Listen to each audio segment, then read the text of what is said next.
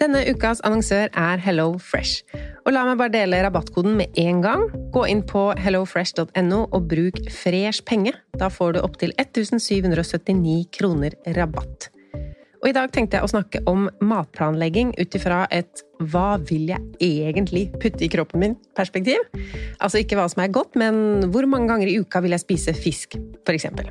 Og med Hello Fresh-appen så er dette så fint. Du velger bare ut fra en liste hvilke fem eller fire eller tre middager du vil spise uka etter. Og så kommer matkassa til deg på døra. Og du trenger ikke å tenke noe mer på hva du skal spise. Denne uka så blir det for meg to fiskeretter, to vegetarretter og en kyllingmiddag til guttene. Gå inn på hellofresh.no og se selv hva du kan velge mellom. Bruk koden FRESHPENGE for å få opptil 1779 kroner rabatt på de første seks matkassene dine, pluss gratis levering på den første kassa hvis du ikke har prøvd Hello Fresh tidligere. Rabatten kan du også bruke hvis du har vært kunde hos Hello Fresh, men det er mer enn tolv måneder siden.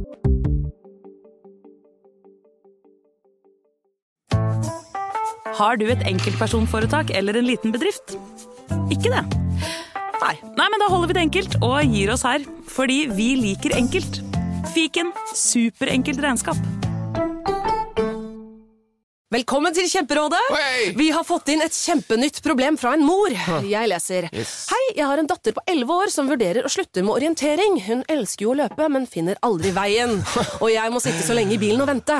Tricky. Yes, Ja, men ja dette her har jeg opplevd selv, faktisk. Og løsningen for meg ble da Maps på mobilen. Ja, hun er jo under 13 år. Da får hun 5 gigabyte data for bare 149 kroner med Telenor. Oi. Hun bør jo sjekke ut nye mobilabonnement på telenor.no, da. Yes!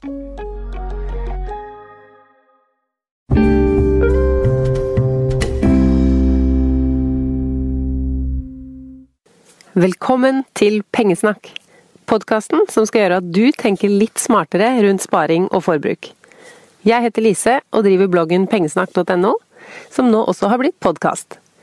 I denne episoden skal jeg snakke om økonomisk uavhengighet. Jeg byttet litt om på podkastplanene mine for å få snakke om det akkurat i dag. Og grunnen til det er alle tilbakemeldingene jeg har fått i det siste. Ikke på denne podkasten jeg har startet med, eller på bloggen min, men på et eh, avisintervju som ble publisert et par dager før jul. Hun slutter å jobbe når hun blir 40, står det på hele forsiden av lørdagsutgaven av Dagens Næringsliv. Og hun, hun som slutter å jobbe når hun blir 40, det er meg. Bilde og greier. Selve artikkelen er jeg kjempefornøyd med. Fint bilde av sønnen min med frokostbordet, mange gode poenger. Um, journalisten har gjort god research, men den overskriften ble dratt litt i, litt i lengste laget. Men sånn er det. Jeg sparer faktisk så mye at jeg kan pensjonere meg når jeg blir 40. Kanskje enda tidligere, til og med. Men at jeg skal det, er nok mindre sannsynlig. Men det er altså det jeg skal prate om i dagens podkast å bli økonomisk uavhengig. Altså å ikke være avhengig av lønnet arbeid for å finansiere livet. Ganske smalt tema, men eh, jeg har skjønt at mange er interessert i det, og lurer på om det faktisk er mulig.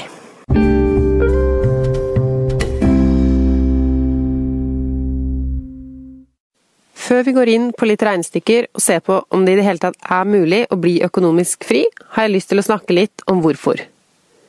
Å pensjonere seg i ung alder er egentlig ikke det jeg eh, vil kalle det, fordi de fleste som klarer å bli økonomisk uavhengig, pensjonerer seg ikke. De gjør kanskje andre ting, men de slutter ikke å bidra i samfunnet.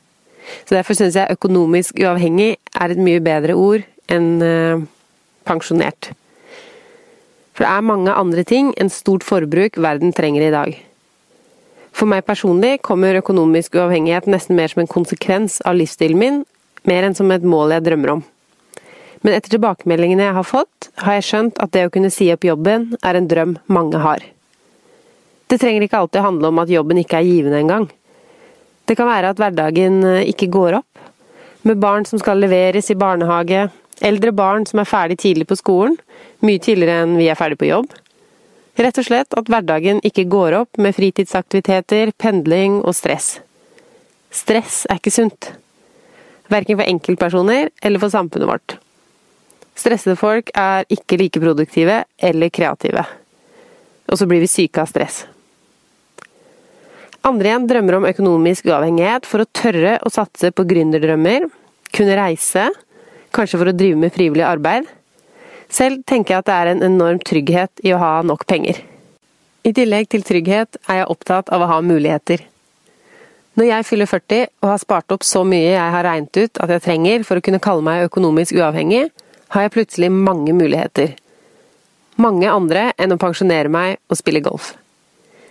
Som jeg sier i intervjuet i Dagens Næringsliv, jeg aner ikke hva jeg er opptatt av når jeg fyller 40. Og jeg har en veldig spennende jobb i dag. Utfordrende nok til at jeg lærer masse, men ikke så vanskelig at jeg ikke klarer oppgavene mine. Men det kan jo også endre seg de neste ni årene. Kanskje er jeg så lei av å jobbe at jeg sier opp? Eller kanskje er det enda mer givende å jobbe når jeg vet at jeg ikke må? Uansett grunn evig ferietur eller eget firma, økonomisk uavhengighet er mulig, og innen relativt kort tid også, for de aller, aller fleste av oss. De som vil bruke mindre penger og leve mer. Og da må vi begynne å tenke på penger på en helt annen måte enn de fleste av oss gjør i dag. Jeg skal starte med et regneeksempel jeg hørte på en podkast for flere år siden. En amerikansk podkast som heter Radical Personal Finance. Jeg skal linke til den på bloggen for dere som er eh, ekstra interesserte. Jeg sa i forrige podkastepisode at matte er gøy. Og det har flere kommentert på, faktisk. Er det liksom vedtatt at matte er gøy? Jeg møtte min gamle mattelærer tilfeldig på gata den dagen jeg spilte inn forrige podkast, så den setningen er en liten hyllest til han. Det var sånn han startet den aller første mattetimen han hadde med klassen min. Matte er gøy. Og her kommer et eksempel på det.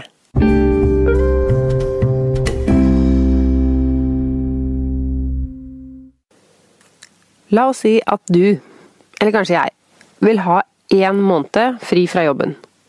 Ubetalt ferie. Leve samme liv. Kanskje dra på hytta. Lese bøker, lage middag til familien. Hvor lenge må vi spare for å få råd til en sånn måned?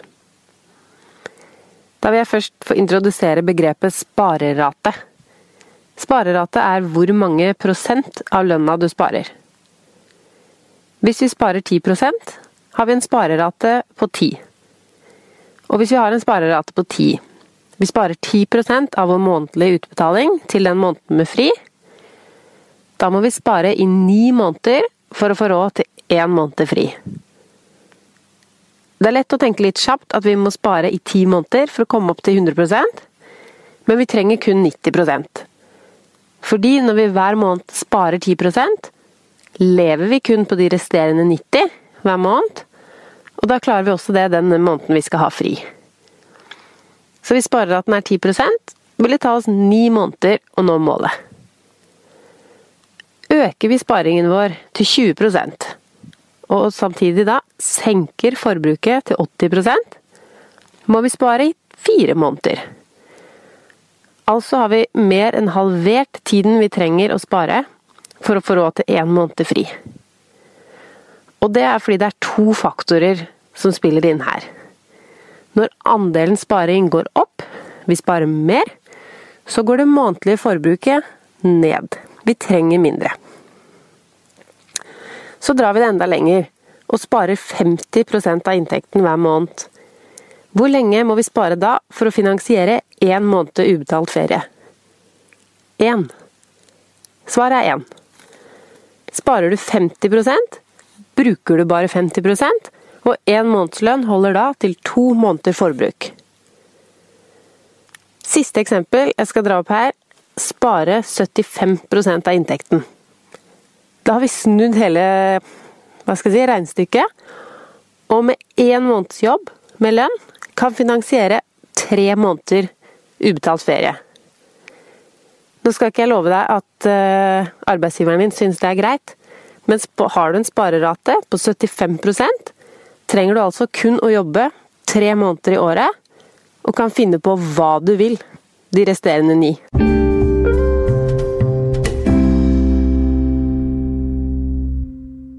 Mens jeg har dere her, eller dere har meg der, blir det vel uh, mer riktig, så må jeg også få si tusen takk. Takk for alle tilbakemeldingene på forrige podkast som jeg lagde. Det har vært så gøy å få alle tilbakemeldingene deres, og jeg har blitt veldig motivert for å lage enda mer podkast til dere når dere har gitt meg så mange fine tilbakemeldinger. Konstruktive er dere, og nei, det er veldig verdifullt for meg når jeg eh, lurer på hvordan jeg skal lage podkasten framover, hva slags innhold jeg skal ha, den type ting. Så jeg vil gjerne at dere skal skrive til meg om hva dere synes om innholdet denne gangen også. Jeg publiserer et blogginnlegg om denne episoden på pengesnakk.no, som dere finner her nå. Så gi meg gjerne en tilbakemelding i kommentaren der. Ellers er jeg på både Facebook og Instagram, så søk opp eh, Pengesnakk og følg meg der hvis du ikke vil gå glipp av en eneste podkastepisode. Jeg kommer alltid til å dele det på sosiale medier når en ny episode er tilgjengelig.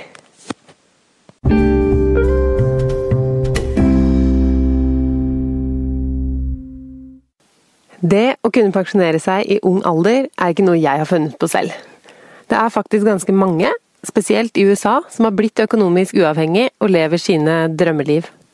Flere av dem blogger om det også, så jeg skal linke til noen få av dem i blogginnlegget jeg skriver. Hvis du hører på det her fram i tid, så har jeg tenkt å kalle det blogginnlegget 'Hvordan bli økonomisk uavhengig', og det publiseres 1.1.2019 på pengesnakk.no. Det er nok av eksempler på at det er mulig å bli økonomisk uavhengig, men det betyr ikke at det er lett, eller at det passer for alle. Men la oss se på. Hvor mye penger trenger du, og hvor lenge må du spare, før du faktisk kan si opp jobben og leve et liv som økonomisk uavhengig?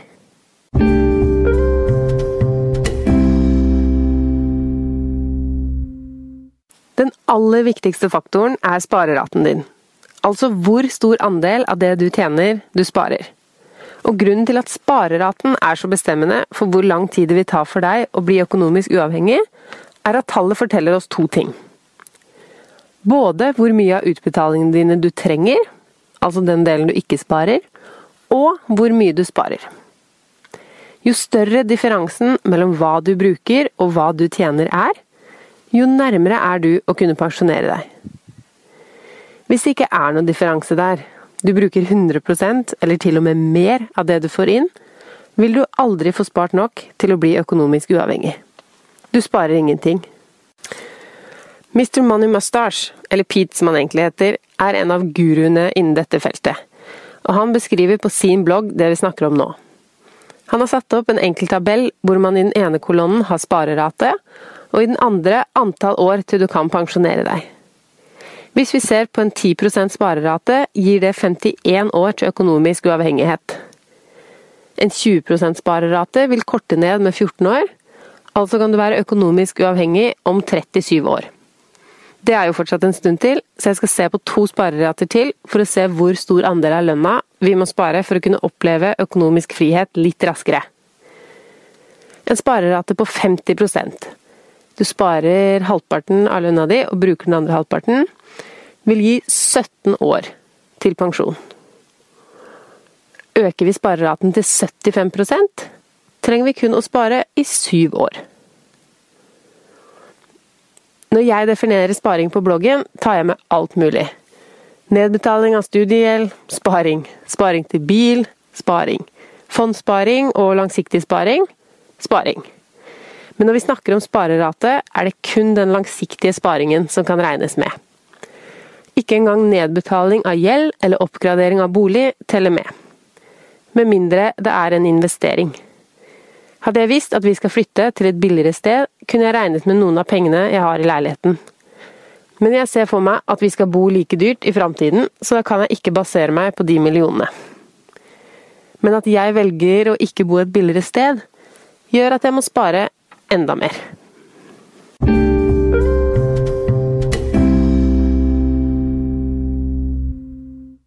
For å bli økonomisk uavhengig må vi uansett bruke lite og spare mye. Og det som spares, skal ikke spares i en madrass eller på en bankkonto med lave renter, det skal investeres. For det skal godt gjøres å spare opp så mye penger man trenger resten av livet. Man vet jo heller ikke hvor lenge resten av livet er, og hvor mye man da trenger å spare. Så det som er planen, er å ikke bruke av de oppsparte midlene i det hele tatt. De pengene skal investeres i noe som gir så god avkastning at man kan leve kun på den avkastningen. Det kan være en utleiebolig. Da må jeg ha en stor eller flere små som til sammen vil generere nok inntekt til å dekke mine utgifter og forbruk. Så da er det det jeg sparer til. Ikke for å kunne bruke de oppsparte midlene, men for å investere i noe som finansierer mitt liv. Et alternativ til utleieeiendom er aksjer. Selv investerer jeg i fond som er brede, og jeg baserer regnestykket mitt på å kunne ta ut en 4% avkastning hvert år. Og det er et tall som er godt dokumentert. Så godt at man snakker om det som 4 %-regelen. Regelen ble etablert på slutten av 90-tallet, da tre professorer i finans publiserte en studie der de så tilbake på børsutviklingen jeg tror det var helt tilbake til 1925. De så på perioder på opptil 30 år, og undersøkte hvor mye man kan ta ut hvert år, også om man pensjonerte seg rett før en nedgang på børsen, og svaret var da 4%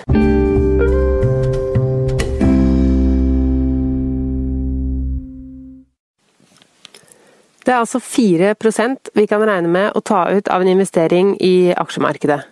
For selv om markedet svinger, det kan være år i strekk med nedgang på børsen, så har det alltid gått oppover på sikt. Og man kan regne med, det er i hvert fall det som er eh, vanlig å bruke, 5% avkastning. Og den avkastningen er også en viktig faktor i regnestykket. Hvis vi regner med 5% avkastning, eller rente, vil 100 000 kroner være 105 000 kroner etter et år. Pengene jobber for deg, samtidig som du jobber med å tjene flere, og beløpet vokser etter hvert som tiden går. For året etter så får du avkastning ikke bare på de 100 000, men også på de 5000. Det er det som heter rentes renteeffekten, og grunnen til at kurven er eksponentiell når vi ser på beløp plassert i aksjemarkedet.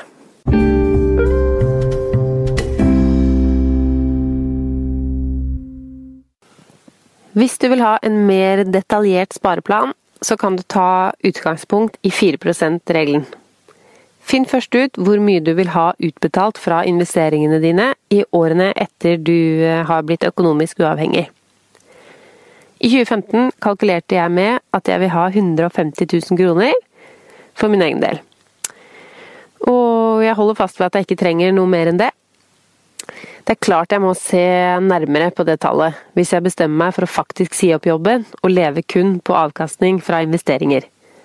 Men foreløpig og når målet er nesten ti år fram i tid, er det et estimat, og det er helt greit. 150 000 er 4 av 3 750 000 kroner. Og det er derfor det står på forsiden av DN i julehelgen 'Sparer til hun har 3,75 millioner i banken'. Men det er veldig viktig at de pengene ikke står i banken. De må investeres. Så steg én Nå kommer det kanskje på tide å finne fram eh, penn og papir hvis du har lyst på en eh, sånn her plan. Steg én for å finne din egen vei til økonomisk uavhengighet. Finne ut hvor mye du vil ha å leve for. Du kan ta utgangspunkt i det du bruker i dag, kanskje. Trekke fra utgifter til månedskort og andre ting forbundet med det å jobbe, som du kanskje ikke lenger skal. Legg på litt ekstra til de drømmene du skal eh, leve ut. Så ganger du årsforbruket du har kalkulert med, med 25. Da har du beløpet du må ha investert for å kunne leve på avkastningen hvert eneste år, så lenge du lever. Så for å finne ut hvor lang tid det tar å komme dit, så må du se på hvor mye du kan spare i året. Og kanskje ikke det er så mye i starten. Sånn var det iallfall for meg. Selv om jeg har et uh, ganske lavt forbruk, har det vært flere år med utgifter knyttet til leiligheten vår. Både oppussing av den og nedbetaling av lån. Men nå som lånet er nedbetalt, er det jo mye lettere å spare høye summer til økonomisk uavhengighet. Så jeg er ikke mer enn i startgropa selv, men det er fortsatt bare syv-åtte år til jeg når målet mitt. Hvis jeg følger denne planen jeg har satt opp, da. Så jeg har brukt flere år på å komme meg opp i et investert beløp på 350 000 kroner. Jeg regner med å i løpet av neste år kunne nesten doble det beløpet. Og så, eh, så skal det gå ganske radig framover til det ender med at jeg er eh, 40 år og har investert 3 750 000 kroner. I mitt regneeksempel har jeg regna med 5 eh, avkastning. Og jeg ser det er det som er vanlig eh, hos de fleste norske banker og de pensjonstilbyderne. Med det regnestykket Jeg skal skrive om det her på eh, bloggen, så dere kan se det der. Det blir litt mer komplisert enn å si sparerate på 75 er lik pensjonist om sju år. Men jeg syns det er mer realistisk å tenke på denne måten, fordi sparebeløpet vil øke år for år. Jeg veit ikke noen som går rett på en sparerate på 75% og holder den helt konstant helt til de er pensjonister.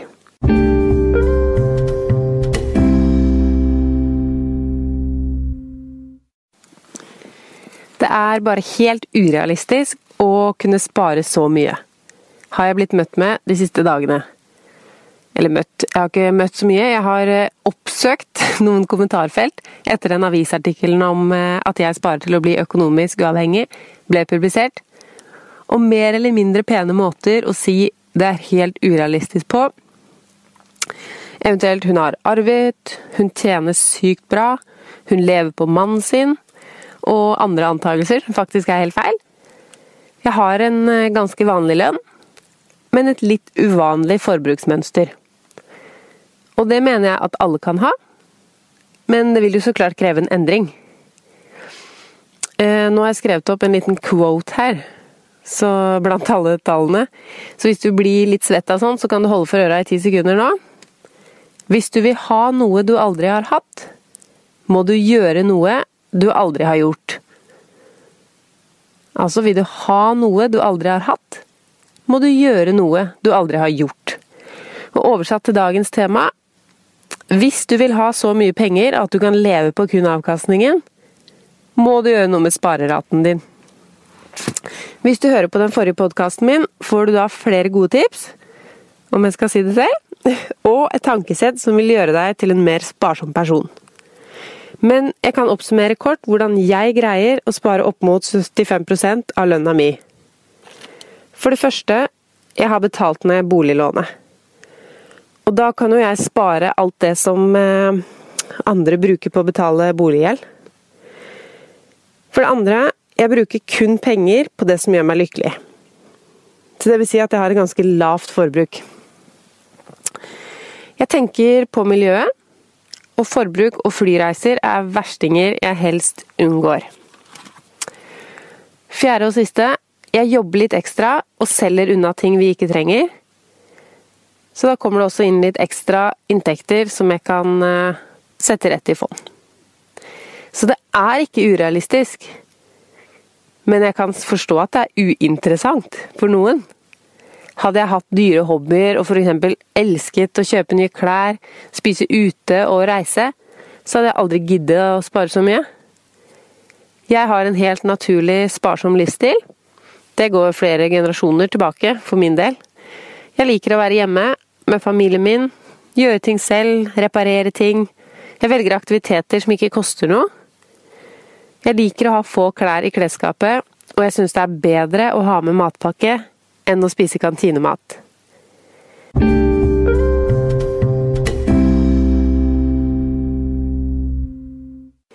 Vi er ulike, men det går så absolutt an å være lykkelig og sparsom.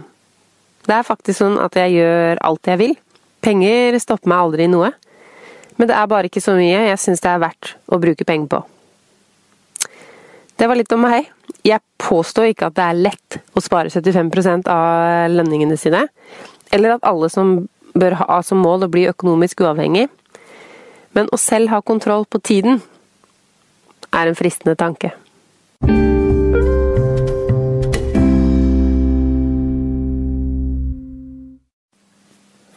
Nå skal jeg sette meg ned og prøve å oppsummere dette her i en eh, bloggpost. Jeg beklager om det ble litt rotete.